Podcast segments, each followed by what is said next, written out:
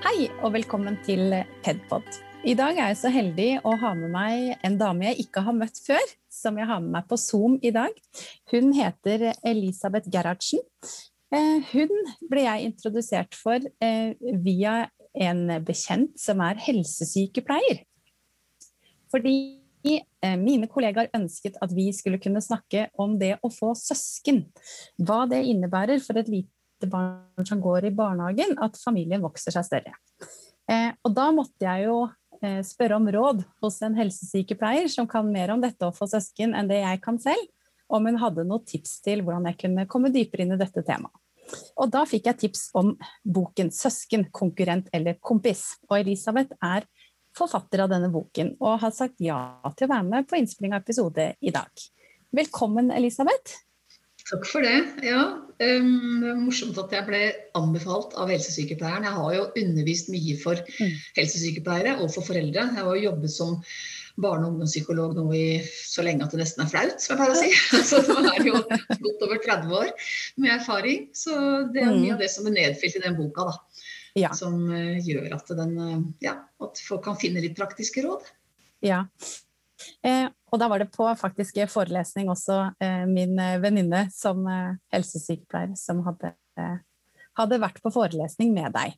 I tillegg til at hun bruker boken din aktivt når det kommer søskenspørsmål for henne som helsesykepleier. Så det er gøy. Ja, det er gøy. Det, det var en varm anbefaling, ja. Og så er jo ikke jeg mer flau enn at jeg da sender en forespørsel. Har du lyst til å være med på podkasten vår?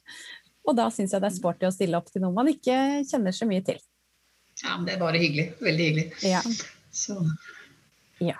Um, jeg tenker jo at vi skal jobbe oss litt gjennom temaene det å få søsken, sjalusi.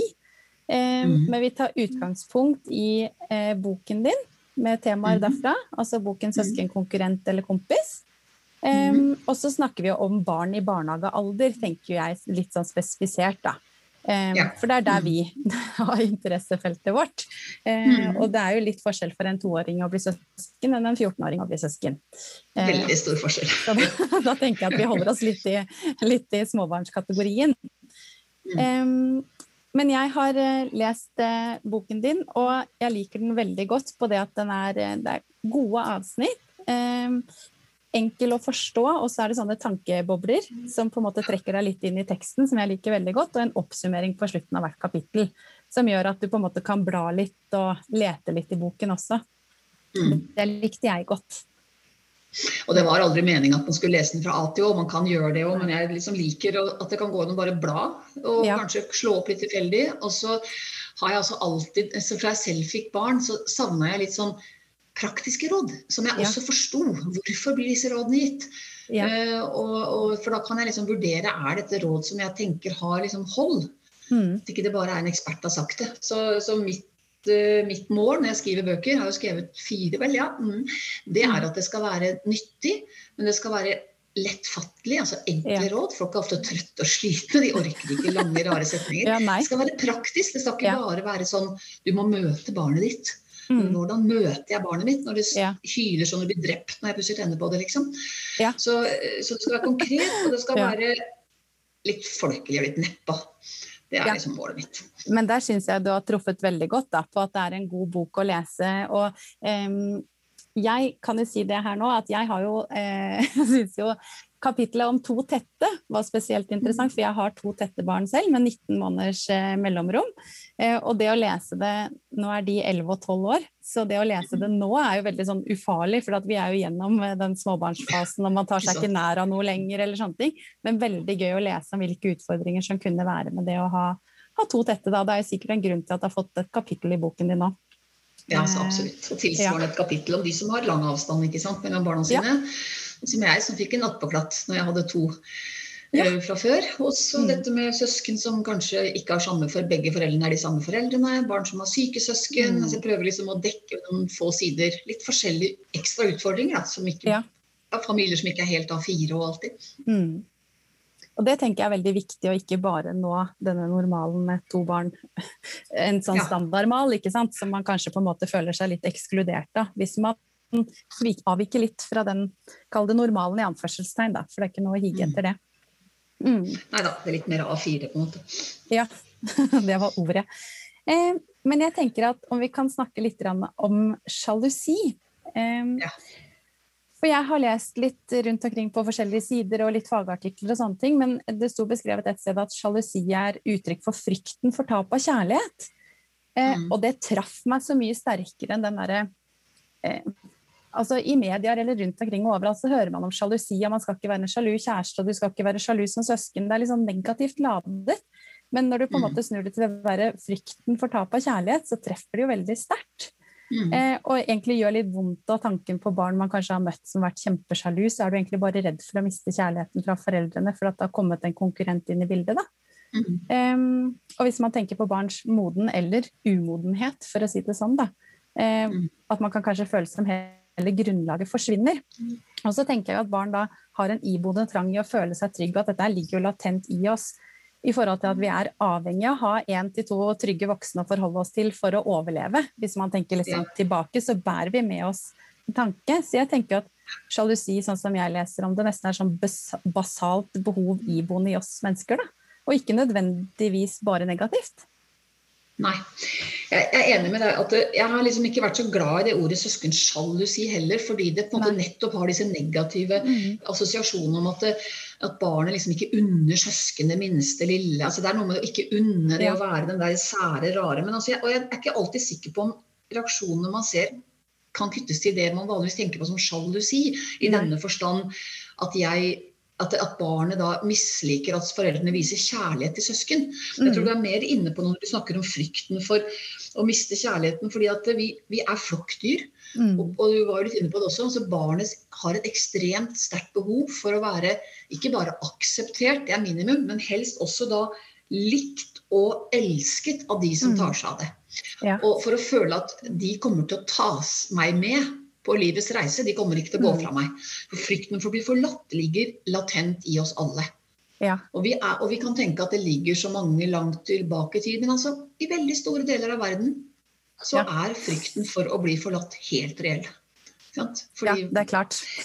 Så dette her er noe som evolusjonsmessig har vært nyttig helt opp til våre dager. Og så tenker jeg at det, Mye av de reaksjonene man ser søsken som blir eller altså store, såkalt store barn, de kan være ett år, sånn som dine var, de kan være to og tre og mm. Som da kanskje blir mer grinete, blir, mm. går litt tilbake i utvikling, blir mer sinna eller blir mer klengete. Og så tenker vi at det kommer av en form for sjalusi. Men det kan også være et uttrykk for at foreldre endrer seg. Altså, gravide kvinner er sjelden å finne øverst i slalåmbakken eller øverst på en sklie.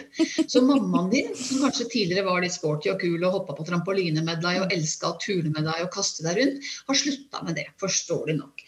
Pappaen din eller medmor eller hva slags andre foreldre du har i hus, ja. som da selvfølgelig ikke er like plaga av svangerskapet, er kanskje godt i gang med redebygging. Ja. Eh, da skal det pusses opp likevel, og det skal fikses noe, og det skal ryddes. Og nå må vi få se å få ordna det der badet. Altså, det er mye å fikse. Eller man kanskje jobber veldig mye ekstra fordi at vi skal ja. få fri på avspasering når barnet kommer. Få mm. unna den rapporten som har ligget lenge på jobben. Det store prosjektet ja. må landes nå. Så, du har, så fra barn, For er mange foreldre sier til meg ja, men jeg så reaksjoner før barnet ble født. Før babyen ble født? Ja, men foreldrene endra seg jo lenge før babyen ble født. Og disse endringene de er ikke, også Plutselig at det skjer en endring til, nemlig man ser at foreldre mer eller mindre ubevisst stiller større krav til barnet mm. de har fra før, når de blir gravide igjen. Det nok, har nok evolusjonsmessig vært veldig lurt. Slik at du ikke ja. både har en baby og en treåring som godt kan klare seg selv på en del ting, men som nekter å gjøre det. Mm. Så foreldre begynner ofte klokt nok å stille mer krav, men det er slitsomt å få krav. Det var kanskje ja. deilig det at du om natta bare kunne rope 'pappa', bare pappa skal hente meg, men nå får du beskjed, nå kan du komme inn sjøl. Så det ja. trenger ikke være et ja. voldsomt krav. Er du fire år, så burde du kanskje lært å tørke deg sjøl bak istedenfor å rope 'jeg er ferdig'. Er du mm. to, så skal du kanskje prøve å dra på den genseren. Altså de, disse naturlige kravene, den manglende ekstraservicen, mm. er jo også litt slitsom. Ja. Sånn at eh, så barn, disse barna som venter søsken, vil ofte kanskje kjenne på at nå har kravene økt. Mens, mens underholdningsverdiene i foreldrene har sunket. Mm, sånn. ja, ja. Og da, hvis du da eh, da kan man jo litt lettere, i hvert fall. Ikke alltid. Jeg sier ikke at alle barn som venter søsken er redd for at foreldrene ikke er glad i det lenger. Mange høygravide er kjærlige mm. som bare juling. Men det er det at du kan få en sånn Det kan sitte sånn Er de egentlig helt fornøyd med meg? Mm. Ja. Duger jeg, strekker jeg til? Mm. Den kan kanskje komme. Ja, Så det gryende skjer egentlig da under svangerskapet. Eh, og den der forberedelsen til foreldrene, i tillegg til at eh, mamma er mindre lege, leken pga. større, altså voksende mage. da. Eh, og så ja. går dette i takt med hverandre, og så øker kravene, og så blir du litt usikker på hvor er det egentlig jeg har dere, og hva er det som foregår nå. Eh, I forskjellig grad, kanskje. ja. Mm. I forskjellig grad, ja. Og ja. da tenker jeg litt sånn som jeg tenker sånn som uh, vi skrev med hverandre dette med hva barnehagen kan gjøre, så tenker jeg mm Altså Det barnehagen kan gjøre, er jo å være med på å støtte selvstendighetsutviklingen på en god måte. Mm. Altså At barnet får hjelp til å bli mer selvhjulpen, ja. mestrende, på måter som ikke føles som et press. Dere har jo ja. en helt annen overskudd til å kunne gjøre det på liksom ja. uh, på, en måte på, på, litt sånn kanskje morsomme måter, eller mm. sant, har en helt Og goden, goden, i barnehagen er jo det fellesskapet med at det er mange barn. Eh, det er lettere å lære seg rutiner, og det, det, ser vi jo at foreldre sier stadig vekk at nei, men det gjør de ikke hjemme. Nei, men de gjør det i barnehagen. Og det er fordi der er vi en felles arena. Det er ikke like mm. akseptert å sitte på bordet og spise mat, for da sier de andre barna ifra at dette er ikke lov, før vi voksne rekker å reagere. ikke sant? Så du har et helt annet type egentlig sånn eh, minisamfunn i barnehagen, ja, hvor du innretter deg etter, etter, normene vi har skapt felles. Da. Og de vil jo være forskjellige fra avdeling til avdeling i barnehager. Men jeg tenker jo helt klart at eh, det er lettere å få små barn til å øve på å kle på seg kanskje i barnehagen enn hjemme. Og det går jo på tiden foreldre har til å faktisk eh, vente på det barnet som tar på seg buksa selv, mens i barnehagen så ser vi hvor viktig det vil være for barnet. Og vi har den tiden til at det kan sitte der, for at vi planlegger. Og vi skal jo ikke rekke noe annet egentlig enn at barnet øver på ting. Eh, som de trenger å øve på. Jo... Og så har du rollemodellen. ikke sant? Altså Når de sitter hjemme, så kanskje foreldrene mm. har hele søndagen til rådighet for at du skal ta på deg den bobledressen eller de vottene. Mm. Men, men, det er du ikke så veldig interessert i hvis du er to år eller fem år alltid. Nei. Men når fire andre rundt deg gjør det, vi er veldig, ja. vi kopierer hverandre. Vi er mm. sosiale dyr også på den måten at vi imiterer. Ja. Vi vil ligne på. Mm. Vi tenker ofte som mennesker at hvis vi å være lik, blir vi likt. Ja. Altså, så, så, det å gjøre som de andre, det sitter veldig dypt i barn. Ja. Og jeg husker fra min egen eldste så, Jeg husker mitt store øyne jeg hadde med hun da på juleavslutningen, ikke fylt to år, stabbet av gårde med tallerkenen sin mens ja. bleierumpa hang ned for å mm. rydde bort den. Hun var ni mm. når hun fortsatt protesterte på å gjøre det samme hjemme. Ja. Hun måtte, men hun protesterte fortsatt. Altså, hva gjør du jo, egentlig? Som hun sa til meg. Det er så fascinerende. Ja. ja det er det. Så det er klart at det at dere da i hvert fall trener det inn som en ferdighet. Ikke som nødvendigvis mm. at barnet vil ja. det fortsatt, men når, når det får lære å kle på seg selv i barnehagen, ja, så mm. kan det det i det minste. Ja. slik, at det, slik, at de har det den. slår det ikke som et, uh, ja, som et sjokk når man får krav hjemme. Liksom. Mm. Nei, når det kommer hjemme, så er det bare snakk om å ville gjøre det, ikke om å kunne gjøre det. Ja. Det er jo stor forskjell Også, på å føle at man mestrer ting òg, da. Ja, tenker jeg oppi det hele. Mm. Ja, for du får den mestringsopplevelsen, og så får du samtidig, får du samtidig den, den at, du, at, de andre også får det til. Og så får du anerkjennelse med personalet på at du mm. greier det. Se på ja. deg, ja. ikke sant?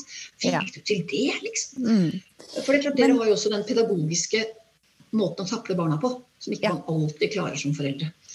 Nei, og kanskje ikke skal klare like godt som foreldre, tenker jeg. Det er vel ikke målet, det. Eh, noen ganger ja, men eh, ikke en plankekjøring på at alt skal være pedagogisk korrekt. Eh, Nei, men vi ser jo liksom veldig mange ulike eh, reaksjoner da, når små barn blir søsken. Noen blir jo veldig sånn såre. Eh, noen blir liksom voldsomme, kanskje mot andre barn eller mot voksforeldrene. At man kan begynne å mm. sparke og slå. Noen blir sinte, og mm. noen blir triste. Og det er masse forskjellige følelser i tillegg. Eh, men det er jo så mange måter de reagerer på. Men jeg tenker liksom hvorfor de da også reagerer når babyen har kommet. da. Nå snakket vi litt om tiden i, mm. i forveien, men, mm. men, er det noen mm. grunn til at de kan reagere kraftig da, eh, på dette barnet som kommer? Eller ja, og jeg, så tror jeg det som regel ikke er det. Altså Noen barn tåler dårlig det varme blikket foreldrene sender babyen, men jeg tror det ja. som regel så reagerer ikke barn de fleste barn reagerer ikke så negativt på det i seg selv. Nei. Men det de da opplever, er plutselig at Eh, at det kommer enda flere krav. Naturlig ja. nok. For nå ja. blir den leken som du elska, den brannbilleken, den har foreldrene den innså de litt, litt seint at den var ikke så egna når en baby skal sove. Nei. Eller det derre brølet 'nei' når du ikke vil kle på deg, som du ikke bare blir møtt med sånn kanskje hakket kortere lunte etter fem våkenetter på to foreldre, men det blir også møtt med sånn 'hysj, hysj, nå vekte, nei, nå vekte du ham'! Ikke sant? Altså det der med at du, du som liten så blir du stilt flere krav til. Det er fortsatt ikke krav som på en måte er urimelige, men de Nei. er der, da. Som ting Ja. ikke er så glad for. Og, og, og det kan være lettere å føle igjen at at jeg strekker ikke til. for at jeg, altså, Sinnet mitt, da, hvis jeg snakker som barn, løper av med meg. Eller det som før var helt Mm. greit, det at jeg f.eks. hoppet i sofaen. Nå er ikke det helt innafor, fordi der ligger det en baby ikke sant, som ikke du skal Ja. hoppe på. Mm. Og så er det også noe med at barn kan bli da uh, veldig fort uh, litt overivrig i, i kontakten med søsken og blir stoppa og bremsa. Og jeg har også vært en del opptatt av det som jeg syns jeg hører lite om, um, nemlig at barn stiller krav til seg selv. Jeg Ja. tror ikke de er så gamle før de drømmer om å, jeg skal bli storesøster. Vi hyper det også veldig ofte opp. Skal du bli storesøster? Mm. ikke sant? Storebror. Så Ja. de ser for seg at de skal stelle, og de skal bære, og de skal trille, og de skal holde på. Og det kan også barn gjøre som ikke har søsken. Jeg husker min yngste, fikk, vi fikk besøk av lille fetter, som var to år yngre. Og hun var to og et halvt, og han var et halvt. Og hun ville så gjerne stelle og ville så gjerne hjelpe til. Mm. Og så klarer du ikke som toåring å stelle en baby uten at babyen veldig fort begynner å gråte. Mm. Og så føler du deg mislykka. Og så vil du holde Ja. babyen. Det går ofte, også veldig ofte gærent. De begynner ofte å Ja. gråte. Og Ja.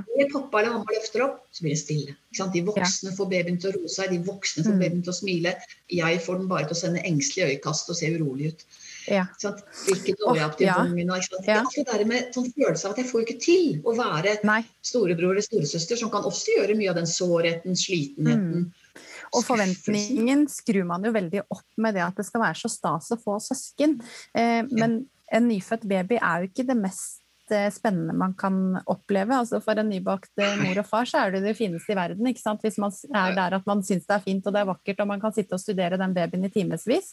Men for et Mm. småsøsken på to-tre år så er jo ikke det Det stimulerer jo ikke spesielt det, det kravene til toåringen av hva som er spennende. Eh, Så jeg tenker at det blir jo kanskje sånn konflikt i forventningsnivå som også foreldre er med å skru opp. Og så er det jo eh, Ja, magen til mamma vokser, men det er jo ikke noe mer synlig enn det. Og så kommer du til en sånn liten bylt som egentlig bare knirker litt og trenger bleie og pupp og tar mye tid. Ja, men det er jo litt sånn Ja, jeg sånn tenker Fra toåringens perspektiv så er det jo ikke så veldig spennende. Eh, og så har det kanskje vært litt sånn abstrakt, og så skjønner man kanskje ikke helt hva som foregår, egentlig. da, Tenker jeg. Eller sånn man har jo ikke noen Ja. forutsetning for å forstå hva som kommer.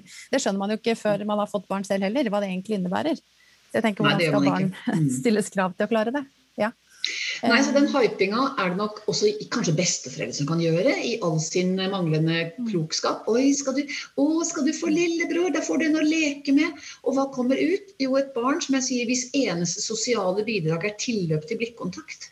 Ja. Altså Når du forventer Ja. en å leke med. Så, Mm. det, så, så det rådet til foreldrene, og det rådet de bør gi til besteforeldre andre, ikke snakk om dette som en hvor, hvor gøy det skal bli å få søsken, Mm. hvor hyggelig det skal bli, hvor, hvor lekekamerat Det er ikke en lekekamerat før tidligst om to år.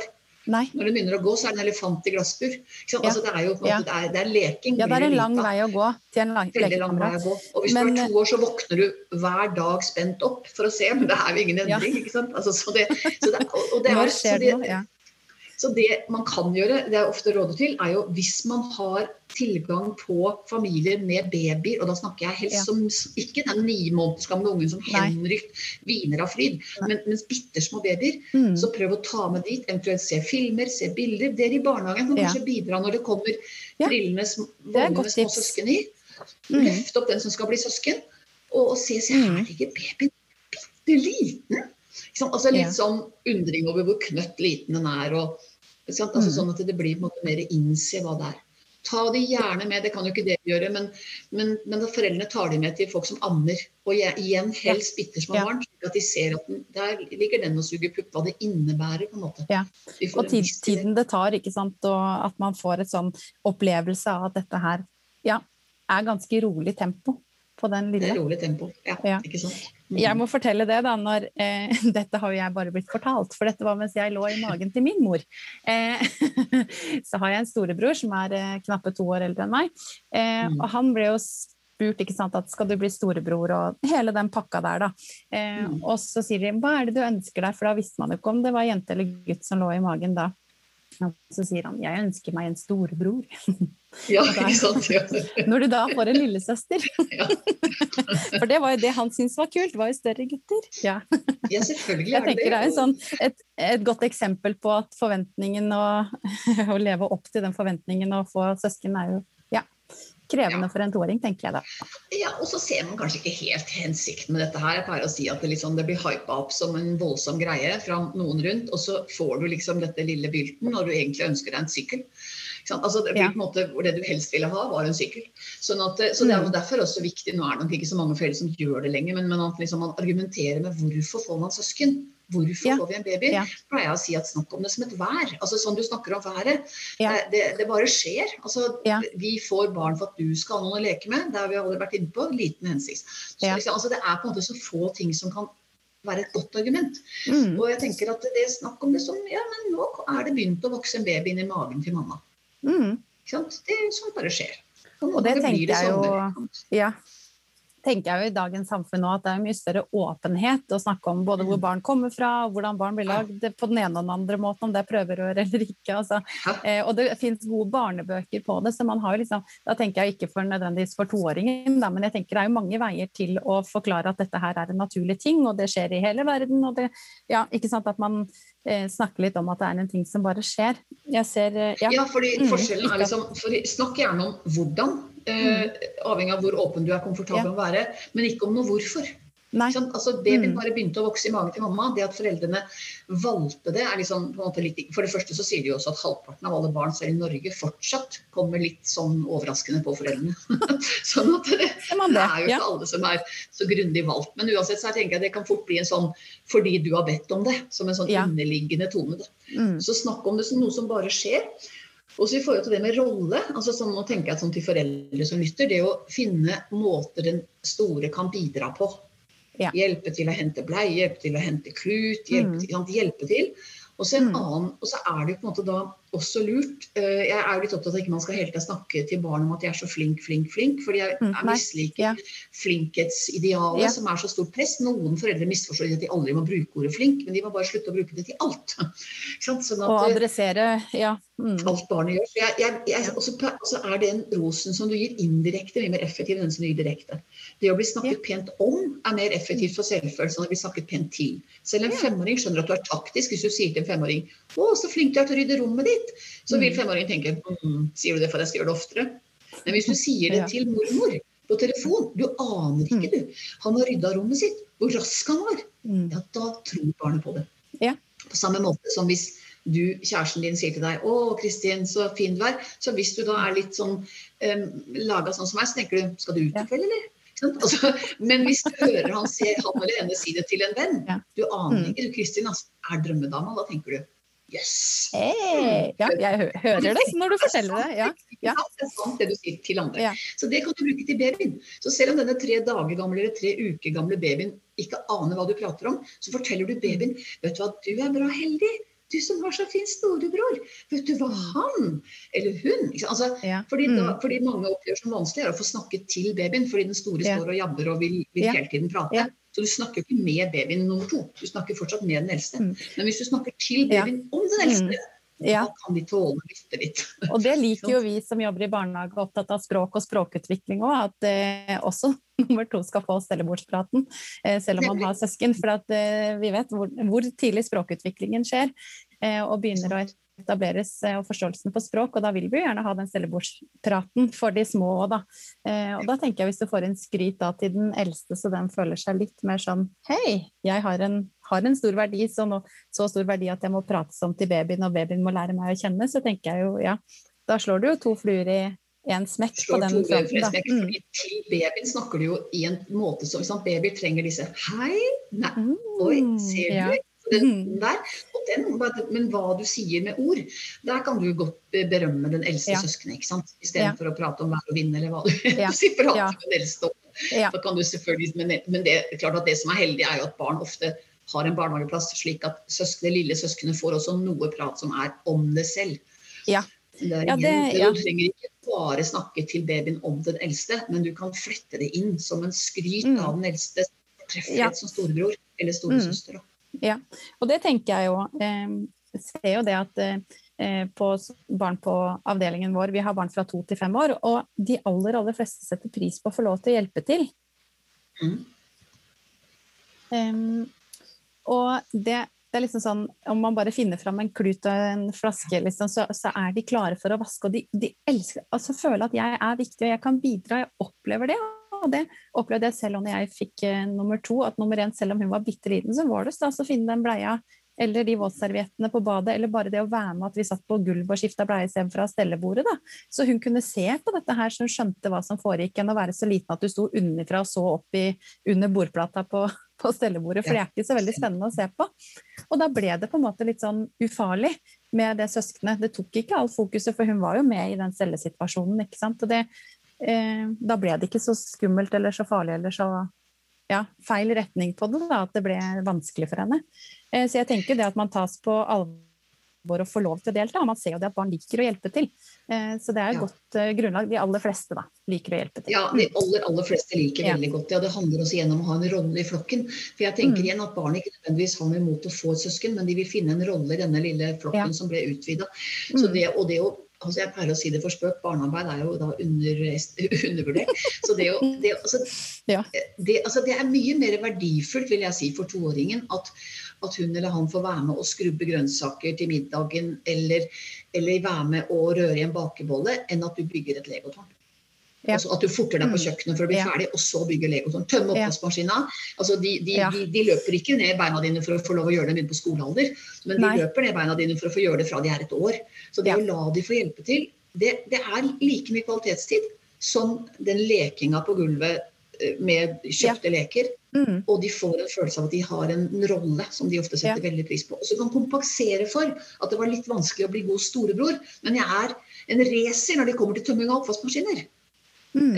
Større barn kan være med å skifte dekk, være med å skifte lyspærer.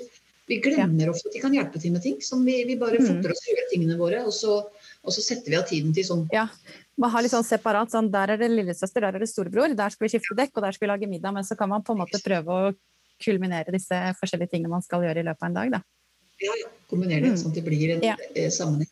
Mm. Og også dette med å føle at man har en rolle, og føle at man frykten for å miste kjærlighet. altså det er kanskje mange foreldre som føler det er ikke bare kanskje at de, de har jo ikke så mye tid til å gi, gi, den eldste så mye kvalitetstid. Men da er det det å bli eh, Det er to ting du kan gjøre. Det første er eh, sånn som jeg har hørt denne ene episoden din også, dette med litt fysisk kontakt, ekstra blikkontakt, mm. det smilet. Det at du blir strø Når du sitter da kanskje som tre-fireåring og leker på gulvet, at noen stryker deg litt over håret når de mm. går forbi, setter seg inntil deg når du ser på barne-TV, gir deg en ja. klapp på kinnet. Kanskje, du, kanskje vær litt sånn litt ekstra fysisk med det barnet. Mm. Det gir en veldig tilhørighet. Jeg bruker igjen, hvis jeg skal bruke et eksempel fra liksom voksen parforhold. Kanskje er dere på fest, partneren din har liksom snaut nok snakka med deg, men så blunker han til deg mm. tvers over bordet. Da tenker du det er oss to, vet. Det er oss to. Ja. Så du skal ikke nødvendigvis ha så fryktelig mye tid. Barn trenger selvfølgelig også tid i tid, men, men, de, ja, men det, det, du, dette smilet, dette blikket mm. Og så er det en annen liten sånn triks, og det gjelder også hvis du, har, hvis du har stor alderforskjell. Det å flette inn det at du etterspør den eldste. Sånn at selv tolvåringen, som kanskje ikke er så fryktelig sjalu, men som har trukket seg inn på rommet sitt, for han har fryktelig mye baby og styr og mas der nede på rommet, mm. eller i stua, så kan du rope opp Du, skal du bli med meg ned? Jeg skal kjøpe noe brød. Hæ? Være med å kjøpe brød?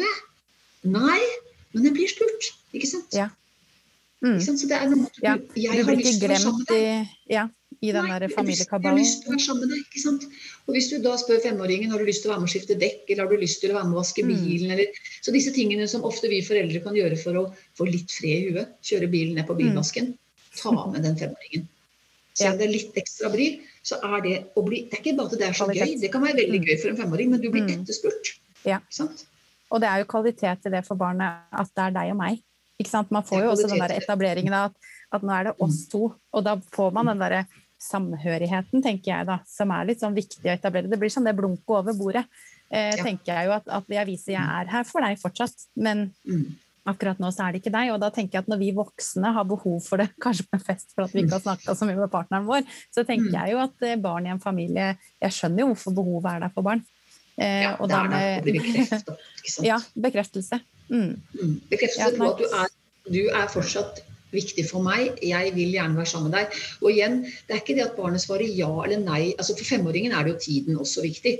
Men for tolvåringen, og nå skulle vi jo snakke om de minste, men likevel det at noen etterspør deg, er også veldig styrkende for selvfølelsen. Sånn, det at noen sier 'kan du bli med', burde du bli med ut? Mm. ja. så er det en glede for en femåring. Selv om mammaen eller pappaen sier det kan du ikke dessverre fordi du har feber i dag. Mm. Men det at noen kom på døra og spurte, ja. sier ja. de vil være sammen med meg. Det styrker mm. selvfølelsen. Selv om ikke du fikk tiden. Eh, så, så, det kan også Veldig spennende å prate om. Ja, ja. jeg koser meg veldig. Jeg lærer masse nytt. Ja. um, Men eh, du var jo så vidt eh, inne på det i stad, det at eh, vi har jo hatt en episode tidligere om det med relasjoner, som vi er opptatt mm. i, av i barnehagen vår. At vi har blitt en EQ-sertifisert barnehage.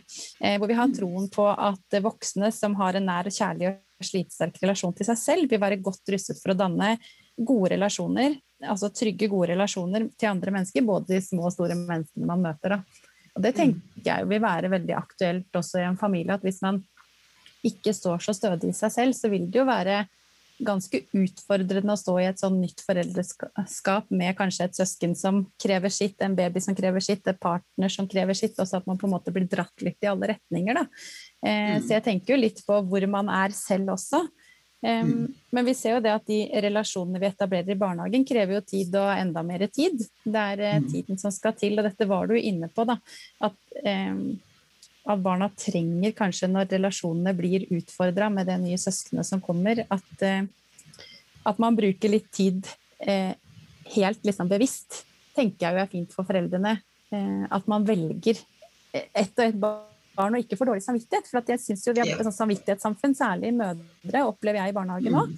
At man går rundt med, med, dårlig samvittighet. Og det er ikke feil, tenker jeg, da, det kan hende at jeg tar helt feil nå, men jeg tenker at det er ikke feil å å velge bort en baby som kan sitte like trygt hos pappaen sin og ikke er avhengig av mat hvis man ammer, eh, og at man prioriterer det barnet på to som kanskje er sårt og trenger mammaen sin mer enn mm. noe annet akkurat da. da.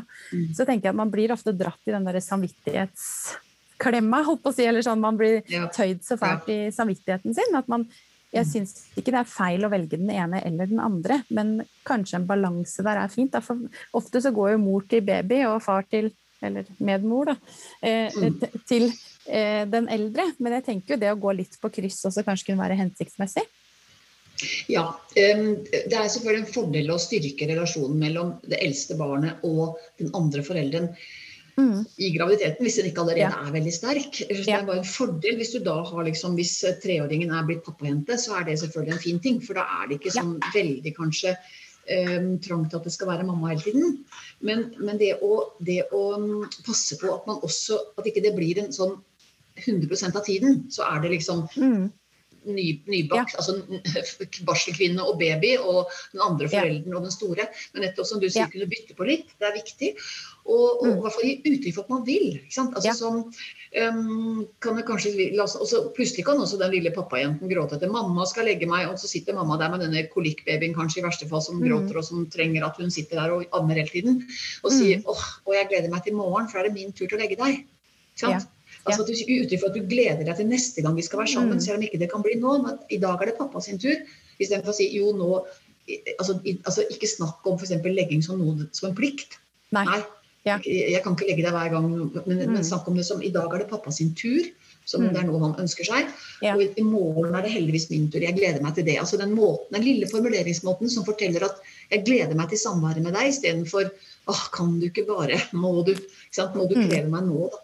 Og f.eks. Ja. det at det er kanskje mammaen som går og henter i barnehagen hvis det er mulig, kommer fra noen minutter. Mm. Også når babyen er liten. Kanskje ikke ta med babyen på det hvis Nei. pappaen er hjemme. ikke sant? At liksom ikke babyen trenger å være der hele tiden 24-7. Mm. Eh, det dette her var jo et tema som eh, mine kollegaer har ønsket seg at vi skulle snakke om. Eh, mm. og da var det også litt på bakgrunn av at det var før jeg begynte i denne barnehagen, da Norlandia barnehage, så var de på et studiebesøk i Sverige. Eh, og da mm. snakker man jo med disse barnehagene man besøker om eh, alt mulig. Og der var det eh, slik at barna, når foreldrene var Særlig da rett etter at søsken var født, så var det mm. maks 20 timer i barnehagen per uke i den barnehagen de besøkte. Eh, mm. sånn at det var en kjernetid, men også da at barnet kunne være mer hjemme sammen med familien i den etableringen av den nye familien. Da. Jeg vet ikke hva du tenker om det, men det er jo liksom interessant når man hører om forskjellige sånn, kulturer i, i, forhold til det med å få søsken. Mm. Jeg tror at det å beholde barnehageplassen er en god idé, for å si det sånn, når man ja. får barn nummer to. Eh, fordi at det er veldig slitsomt. Og vi lever ikke lenger i samfunn hvor, hvor eh, den som har født, har folk rundt seg Nei. som kan bistå Nei. inn. Sånn, du mm. kan ikke ta med denne nyfødte ut på en varm sommerplen, og så er det tre andre foreldre og ti andre barn, så det kan løpe rundt. Nei. Så du sitter veldig mye aleine rundt omkring i små leiligheter. Mm. Um, men det er nok en god idé å ikke makse tiden barna er i barnehagen. Uh, den, ja. den, tiden her. Det er ikke nå du skal levere, det er ikke nå du trenger å sitte på trappa og levere før barnehagen åpner mm. og hente som sistemann.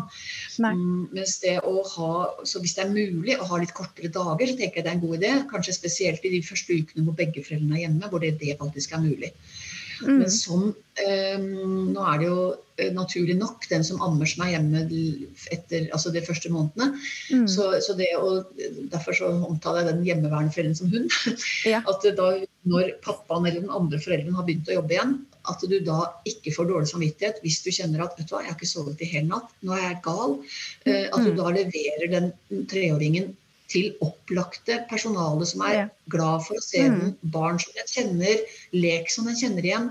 Og så går du mm. hjem og så prøver du å få litt søvn mellom slagene, slik at treåringen din har en opplagt forelder klokka fire-halv fem istedenfor en utslitt forelder uh, fram til klokka ti og etter mm. klokka to. Så, så jeg ville tenke hvis du har masse overskudd, og hvis nummer to bare sover, det er sånn som jeg bare hører om, det er ikke sånn som jeg har møtt så mange av, ja, så kanskje du kan ha kortere dager, men ikke, ikke få dårlig samvittighet for at ikke du klarer å ha den eldste rundt deg hele tiden. For det, mm. det, det alle barna dine trenger, er at du er noenlunde på beina. Jf. det ja. du nevnte i stad, dette med at man er trygg i seg selv. Dette handler jo mm. også uansett om å søvn, mat, frisk luft. Altså også for foreldre.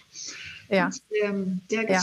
Grunnleggende behov kommer jo litt sånn snikende inn i barselperioden. At eh, det er jo mye som kan bli satt på vent for en nybakt mor. Jeg tenker sånn etter fødsel, mm. og man møter jo på en måte plutselig press man ikke har møtt før. For man har ikke fått to barn før, antageligvis. Så det tenker jeg jo at man, man står jo i en ny situasjon. Um, så jeg tenker det vil jo kreve mye. og um, men, men, det vi ser, er jo at barn ofte kan være såre i barnehagen eller lei seg. Mm. Men da tenker jeg jo at at dialogen også med foreldrene eh, Vi er jo veldig opptatt av åpenhet og at vi har en god dialog. og Det blir jo rammeplanens samfunnsmandat er jo i mm. samarbeid og forståelse med hjemmet å ivareta barns behov for omsorg eh, og mm. lek og fremme læring og danning som grunnlag for allsidig utvikling. Men da tenker jeg liksom samarbeid og forståelse med hjemmet og behov for mm. omsorg. Det er jo samfunnsmandatet vårt, eh, kortfatta, eh, som vi følger hver dag. Og da tenker jeg jo at det er jo egentlig ikke en lik oppskrift for noen. Um, og at den dialogen med de enkelte foreldrene vil være veldig sentral da, for å treffe det enkelte par. Sånn jeg tenker det. Mm. Ja, altså jeg tenker at man må, man, må liksom, man må, tenke ikke hva som ville vært en ideell verden hvor man selv var kjempefull av overskudd, mm. og da kanskje kunne tenkt seg å ha begge barna samtidig hjemme veldig mye. Ja. tenke, hva er realiteten? Realiteten ja. er at man ikke har sovet om natta. Realiteten er at man kanskje har fått brystbetennelse. Realiteten mm. er at to uker gamle barn ofte blir mye mer rolig enn de var de to første ukene av livet ja. sitt. Det er da den andre forelderen begynner å jobbe.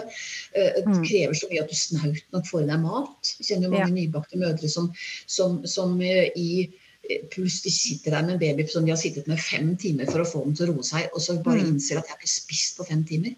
Altså, og da skal du ikke ha en treåring som roper 'hoppe på trampoline' eller 'gå ut og leke'. Da er det mye bedre at det barnet er et sted hvor det faktisk er noen som vil hoppe med det og leke med det. Da. Ja, hvor tilbudet heller, er. Tilbudet er altså, mm. tilbud, ikke sant. Og så heller ja. da ta imot hjelp fra andre, altså Hvis besteforeldre, tanter og onkler som måtte komme, de skal ikke nødvendigvis ta seg av babyen. Og de skal kanskje ta seg av det eldre barnet hvis de virkelig vil, men de skal kanskje ta oppvasken. Vi skal lage middagen. Ja. Slik at du ja. som forelder får frigjort tid til å være sammen med begge barna dine, eller alle tre barna dine. ikke sant? Så, mm. så det er det viktigste. Du får ikke avlastning fra barna, men avlastning fra alt det andre. Baderomsvasken, liksom. Nå, ja, I dag så blir jeg liksom privat, kjenner jeg, men man går jo tilbake til sin egen erfaring. Og eh, jeg valgte faktisk Jeg skulle få nummer to midt i fellesferien. Og det er alltid min familie samla på eh, hytta vår på Sørlandet. Mm. Eh, så jeg ringte til Arendal sykehus og sa at jeg kommer til å føde her i løpet av juli, og de sa velkommen skal du være, og det gjorde jeg. Eh, mm. Og da var jo vi sammen som storfamilie. Eh, ikke sant? Hvor det var ikke bare meg som skulle ta hun som var da 19 måneder i tillegg. Eh, jeg hadde besteforeldre, det var onkler, tanter. Man var en litt sånn egentlig jeg har ikke tenkt på det før nå, før jeg liksom skulle forberede meg til denne episoden, at det var litt sånn gammeldags storfamilie. Sånn som du sa i stad, at man var flere som kunne bidra. Og det tror jeg etablerte det søskenskapet til mine barn. At ikke det ble den frustrasjonen som du kaller det, ikke nødvendigvis sjalusien, men de følelsene rundt det å få søsken. For det var flere som ga oppmerksomhet. Eh, og jeg kunne konsentrere meg om den minste, eh, samtidig mm. som ikke den andre var glemt. Eh, og det er mm. egentlig litt sånn eh, spennende å tenke på nå, når mm. man sitter og, og snakker om dette. Da, at den hjelpen Jeg trengte ikke å lage middag eller ta oppvask. Eh, jeg var barselkvinnen. ja. Eh, det tenker jeg er undervurdert, altså behovet ja. for det. Ja. Å få gjort slik at du får frigjort litt energi. Ja, for det vet jeg. I en del kommuner så er det når du får nummer fire, så kan du få mm. tilbud om en sånn ordning hvor det kommer noen hjem og hjelper deg litt med middag eller vasker sånn en dag i uken. Som, vi kalt, som det ble kalt i gamle dager. Ja, mm. det er det det heter. Det er det ordet jeg har hørt på det. Ja, Men da må du mm. også opp i fire barn, da, før du ja, ja. Det trenger det. Det, er, ja, det, det var faktisk en lavere terskel på 60-tallet da jeg var barn. Ja, vi hadde husvikar, husker jeg, når moren min var syk. Mm. Det var et uh, veldig geskjeftig kvinnemenneske som jeg var litt redd, men uh, bortsett fra det så tok hun oppvasken. på 60-tallet, da. Da skulle man kanskje være litt redd for de som kommer. Ja, ja. ja, det var, uh, var ikke så veldig opptatt av tilknytning den gangen. Nei. Ja. Eh, skal vi se. Eh, I barnehagen hos oss så har vi begynt på en sånn utforming av en samtale vi ønsker å ha eh, med foreldre som venter barn. ofte så mm. følger vi jo da foreldrene eh, gjennom svangerskap, og de forteller om det, og barna forteller om det, og sånne ting. Men vi ser også det der behovet for å etablere litt hvordan skal vi Vi vet jo ikke hvordan det blir for noen når det barnet blir født, men litt mm. at forventningen, hvilke forventninger sitter de med, for å på en måte starte litt tankeprosess. Hvordan er det vi ønsker å ha det? Eh, hva kan vi som barnehage bidra med? da? Eh, mm. Tror du at det kan ha noe for seg? Ja, det, altså utgangspunktet en samtale hvor de da kan snakke litt om hva de ser for seg som når de nå skal bli en større familie. Mm, forventninger, ja. ja. Det er sikkert ikke dumt, for da tematiserer man det at det, eh, det, kan bli endringer i behov, det kan bli endringer hos den eldste. Hvordan, hva tenker mm. de, da? Så legger man måtte opp til det som noe som er naturlig og normalt, ikke noe som er tegn på mislykkahet. Ja. For det er nettopp det. At idet man har starta litt den, etablert en dialog rundt det eh, at eh, barnet som går hos oss, skal bli søsken, så mm. ufarliggjør vi forhåpentligvis Det skal ikke være en sånn moraliserende samtale hvor vi sitter og sier ja, vet du at nå kan du få sjalusi og du kan få ditt og da, men at man bare åpner litt for dialogen. At det er lov til å si fra hvis det blir vanskelig når den babyen kommer. Hva er det dere trenger av oss som barnehage, og hva kommer barnet Altså at det er lettere å si at nå trenger jeg at det er her litt tidlig, for jeg får ikke levert med babyen på slep, eller At det blir mm. lettere i den dialogen når det barnet har kommet, da. Mm. Ja. ja.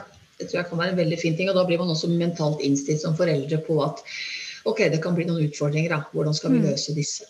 Ja. Men jeg har også litt lyst til å gå litt tilbake til det vi snakket om dette med krav til seg selv, og dette med hvordan man liksom skal finne sin rolle som, som søsken. Ja. Så er det en sånn uh, teknikk som jeg ofte råder til. Uh, og det er det jeg kaller for konsulent i babysaker. Oh. Og det er også noe jeg eh, i liten grad har hørt Eh, andre steder. Si. Ja. Um, men det jeg, da, det jeg, da, foreslår, er at nettopp for at det, ikke, det, er ikke slik at den store, enten den er to år eller tolv år, skal mm. få bestemme over den lille, men den skal Nei. være den som skjønner seg på hva den lille tenker, føler, mener. Så istedenfor ja. å si hvilke klær tenker du at babyen skal ha på seg, så skal du spørre hvilken klær tror du babyen har lyst til å ha på seg? Hvilken farge tror du hun har lyst til å ha på seg når vi skal til farmor? Mm. Eh, du vet hva jeg lurer på, Hvilke leker skal vi pakke når vi skal dra til farmor? Hva er det hun pleier å like? Altså Flette inn det at babyen er et mm. menneske med tanker og følelser som du, kjære største barnet mitt, skjønner deg ekstra godt på, fordi at det barnet er ekspert på å være barn. Mm. Og, ja. kan, og, så kan du også ha litt sånn selektiv hukommelse.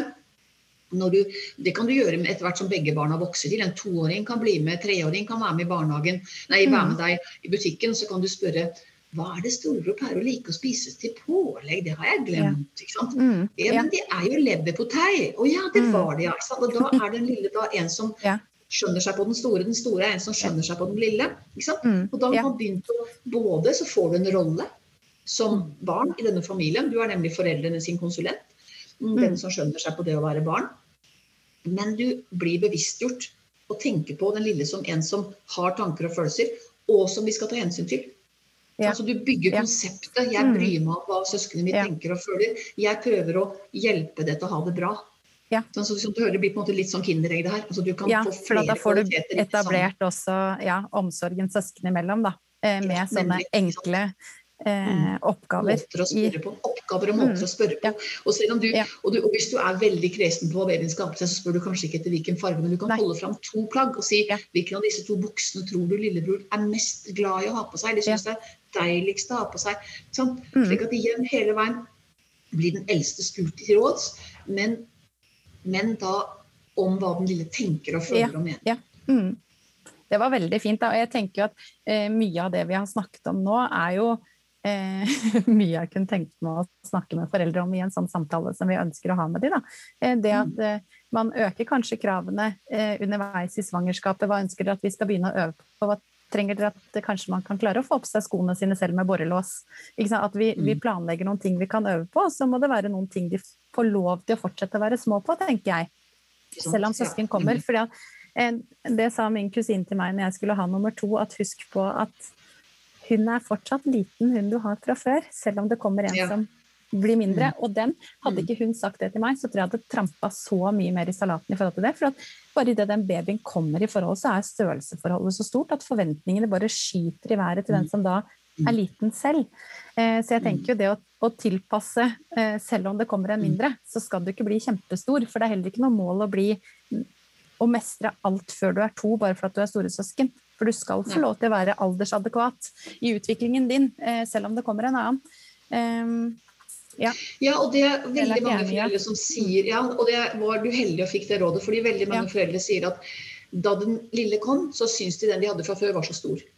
Og mm. først da den lille, når den lille er så gammel som den store var, da den lille ble født, da ja. skjønner de hvor liten den store har vært. Herregud. Tenk mm. at hun bare var to, eller han bare var to. Og når den minste er to, da innser du hvor lite det egentlig er. Mm. Sånn at Da er det mange som kan få dårlig samvittighet og føle ja. at de har vært for strenge, stilt på store krav mm. osv. Så, videre. så det å huske at den store er fortsatt ikke så stor, selv om den bare er større. Ja. Og så er det en annen ting som er viktig å huske når man da For det kommer til å gå en kule varmt. Uansett hvor flink man er som forelder. Hvis det ikke kommer noen reaksjoner av noe slag, ja, da har du enten vært bemerkelsesverdig heldig, eller så, eller så mm. ljuger du, for å si det på ja. men, altså, men det er klart at noen barn tar imot babysøsken uten å blunke. Men når ja. den babyen begynner å krabbe rundt og spise puslespillbitene dine, da da er det lettere å klabbe til. Ja. Nemlig, mm. Da kan du begynne å reagere. Så noen begynner ikke å reagere før babyen begynner å nærme seg året. Mm. Men det å huske at ikke alt som går galt, er galt ment, det er også ganske viktig. Ja. Så f.eks. mammaen som liksom finner en sånn bokstavelig talt fant en sånn potetgullflak inni munnen på den nyfødte babyen sin, får ja. helt sjokk. ikke sant? Og bare mm. 'Hva er det du gjør?' Ja, det der, ja. Prøv hvis du greier å tenke dette var mest sannsynlig ikke slemt ment. Nei, hadde lyst til å dele. Og det er fint at du har mm. lyst til å gi lillebror noe, men mm. lillebror kan ikke få det ennå, vet du. Nei. Må vente til han blir et år, han stakkar. Må vente helt til neste jul med å spise sånn. Så, ja. så i hvert fall om du brølte opp da det skjedde, så etterpå ja. setter deg ned og sier vet du hva, mamma ble så sint, og det, det eller pappa ble så sint, mm. det er jeg lei meg for. Mm. Fordi du ville jo bare være snill og gi lillebror ikke sant, potetgull. Ja. Fordi det er mm. godt. ikke sant? Altså Da ta den praten hvor du tar ned, hvor du viser forståelse, og hvor du unnskylder dine egne reaksjoner. Fordi det er ofte godt ment. Mm. Er, og den der fireåringen som står og synger altså, Jeg har jo fått barnebarn og kommer hjem til når datteren min fikk nummer to, og så står det da en sånn liten toåring og, og hylsynger, for den ligger en ja. baby og gråter og står bare bæ, bæ, lille lam, bæ, bæ, lille lam. Ja, det blir så demp der, liksom. For, ja. Men hun prøver jo så godt hun kan. Ja. for Hun har skjønt at man synger for babyer. Og så blir hun mer og mer febrilsk med synginga si, og så blir lydnivået så høyt at til slutt så er det bare ikke Det er ikke greit for noen lenger? Mm. Nei. Og det å da å huske å takke den toåringen på forsøket, ja. det er ikke så mm. lett. Mm. Ikke Kanskje du kan få det gjort tredje gangen hun gjør det, eller etterpå. Eller i hvert fall bare mm. huske at det var godt ment. Ja. Veldig ofte var det godt ment. Ikke alltid er det godt ment, men ofte er det godt ment. Så velg å tolke ja. det så lenge som mulig som godt ment. Da. Ja, og så kan man jo få litt sånn reaksjoner på at man kan jo se litt hvis noen føler ser litt skyldig ut, lærer man seg i hvert fall barna sine å kjenne etter hvert. At det er jo litt forskjellig blikk på gang hvis du ikke har ment noe, og du har ment noe. Eh, så hvis man er litt sensitiv på hva barna sender tilbake, så kan man skjønne om den eh, om det ikke var gode intensjoner, for man kan jo bli irritert på søsknene sine. Eh, ja, ja, ja. Veldig irritert ja. på søsknene sine. Og det er også naturlige ting. så det er også sånn, Nå strekker jo ikke tida til til å gå kanskje gjennom alt når det gjelder sånn konfliktløsning, men, men det ja. viktige er at man faktisk følger med på konfliktene. Ja. Og ikke tenker det som kanskje var mer vanlig å tenke før, la de bare ordne opp. For det mm. er å la jungelens lov eh, ja. rådet. Og jeg kjenner mange voksne som mm. selv om det er mange tiår siden de var barn, er bitre for at foreldre ikke grep inn med det som egentlig var vold mellom søsken. Trakassering. Eh, det mm. var, altså, de syntes selv at det var veldig grovt, den, den måten de ble behandla på. Og foreldrene mm. sats på å si Det er barn altså, på en måte, eller litt sånn Ja, ja. Unger er unger, må la de få ordne opp. Og jeg kjenner også unge foreldre i dag som har småbarn. Noen få som kjører det samme. Mm. Og det er ikke bra. Sånn det, fordi dette her er en anledning til å lære god konfliktløsning. Som mm. konflikter i barnehagen. Dere snur formodentlig ikke bare ryggen til når det er krangling, men viser de eh, hva som er rettferdig, hva som er en god løsning. Mm. Veileder. Gir mm. de forståelse av hverandre. Og kan man også, hvis man apropos dette blikket som du tenker dette var vel vanskelig å tolke som godt ment. Så kan man si, mm. vet du hva, jeg tror du kanskje ble litt sint nå. Ja. Uh, og det er greit, men vet du hva, du kan aldri gjøre altså, Du må aldri. Mm.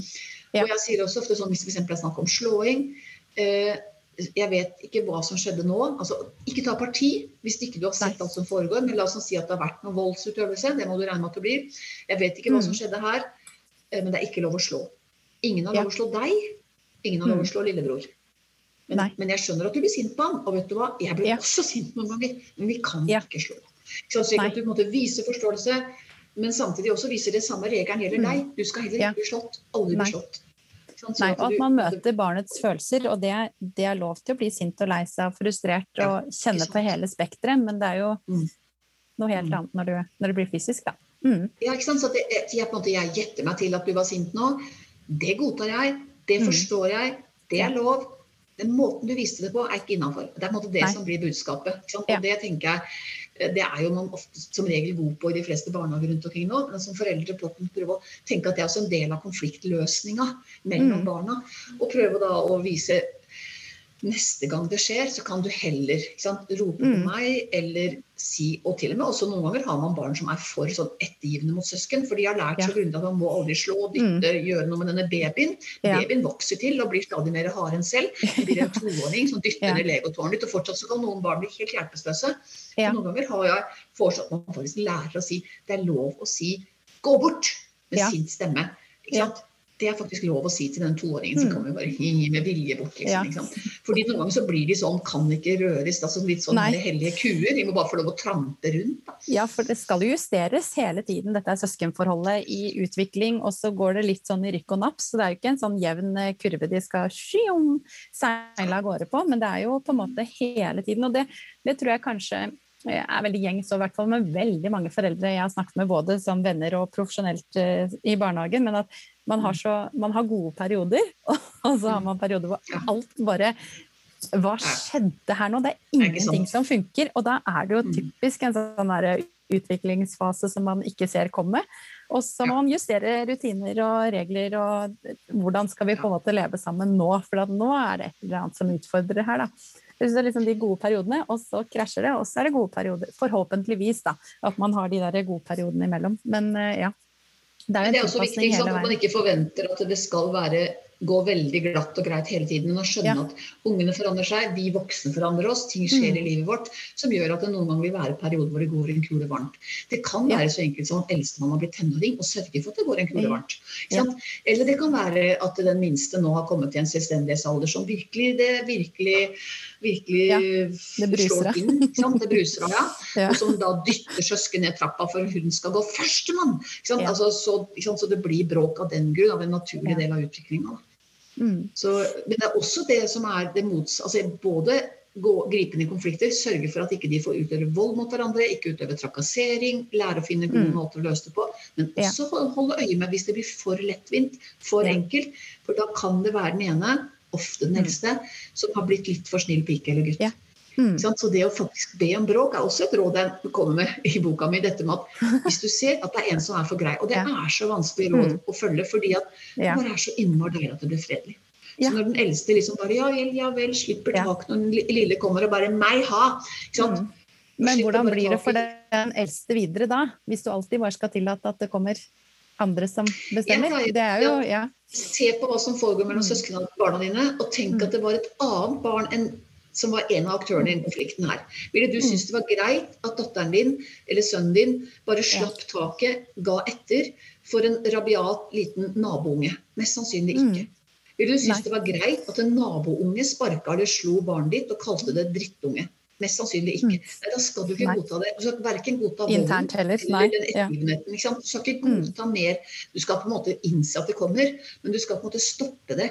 Ja. Fordi de skal lære å finne bedre De skal lære at den andre skal behandles med respekt, og jeg skal behandles med respekt. Så det er mm. to sider av det samme læringa. Ja. Jeg tror dessverre at vi må runde av. Jeg kunne sittet der veldig mye lengre. vi, får, eh, vi, får, finne flere temaer vi kan prate om. Eh, men jeg tenkte sånn helt til slutt eh, Det har mm. vært veldig spennende å prate med deg. Masse gode tips til foreldre tenker jeg, som står midt i denne krevende fasen, for det er jo det det er. Å ha flere mm. små barn er krevende. Og det vil butte imot, og det vil krasje litt, og det vil gå bra. Og opp og ned og bak og fram og hele veien. Mm. Men jeg tenker sånn jeg syns det er gøy, for at man snakker, eh, snakker jo som at det er litt sånn negativt å ha ja. søsken. Men jeg ser på søsken som en gode. Du lærer å sosialiseres i hjemmet, det er noen å lytte mot. Du lærer deg konfliktløsning. Du lærer deg også å ta hensyn. Når mm. man klarer å mestre hensynet på en riktig måte, så er det jo veldig viktig det å lære seg at det er ikke bare meg her i verden. Mm. Eh, at man, man lærer seg å være sosialt sammen med andre mennesker. Men jeg tenker liksom sånn er det noe gode med søsken? Er det verdt prisen, eller hva er det godt for? Altså, sånn. og jeg tenker at det å gi barna våre søsken, og med det også gi dem et godt søskenforhold, hvis vi klarer å gi dem begge deler, mm. det er noe av det største gaven vi kan gi dem. Altså mm. for den, det å ha søsken som du har et godt forhold til, det er ja. sånn, mer, setter man mer og mer pris på mm. jo eldre man blir. Ja. Og det er jo noe som varer barnas liv ut. Mm. Lenge etter at vi har eh, forsvunnet, ja. så for de skal jo forhåpentligvis leve mye lenger enn oss, ja. så vil de ha glede av det søskenforholdet. Mm. Og de vil kunne ha støtte i hverandre. Og, de, og det er en sånn eh, søskenforholdet Altså Du kan velge bort å være venn med noen. Du kan slå, slå opp en kjæreste. Men broren din mm. er broren din resten av livet. Enten du ser han eller ikke ser han, enten du mm. liker han eller ikke liker han. Og hvis du da liker han, så er, du, er dere sammen, og så har barna dine søsknene dine Dere får barn etter hvert som mm. har kontakt med hverandre. Så det er en rikdom i det å ha søsken som jeg tenker er eh, Den er, den er jo noe av det største. Ja. Faktisk. Så er det verdt de som er enebarn. Ja, så har det vært, ja. det vært litt knuffing, og det har vært ja. mye styr. Og, det være, og har du et barn som er enebarn, så er det noen som er veldig veldig i sorg over det. Det vet jeg. Noen som så gjerne mm. skulle gitt barnet sitt søsken. Ja, så kan man kanskje knytte veldig nære bånd til enkelte andre barn. Mm. Eh, lettere hvis det faktisk da er f.eks. et søskenbarn til barnet ditt ja. som kan bli som en søster eller bror, og så får du mye av mm. det samme. Jeg kjenner barn, voksne som har et sånn nært forhold til en tremenning at det oppleves som et søskenforhold. Ja. Så man kan lage noe tilsvarende. Mm. Men det er uansett verdien i denne nære, nære relasjonen er veldig, veldig viktig. Ja. Da tror jeg bare vi opp oppsummere med at den krevende tiden er fin, fantastisk, eh, vanskelig, eh, mm. tøff, vakker og verdt det. Kan vi si det sånn? Ja. ja. Men tusen, tusen takk for at du tok deg tid til å prate så lenge med meg om dette spennende temaet. Jeg hører vi er engasjerte begge to, så jeg, hører, jeg håper at uh, lytterne uh, får med seg alt vi ja, det om. Ja. ja, Nå gikk det fort. Men uh, det har vært veldig spennende. tusen takk for at du var med, Elisabeth Gerhardsen.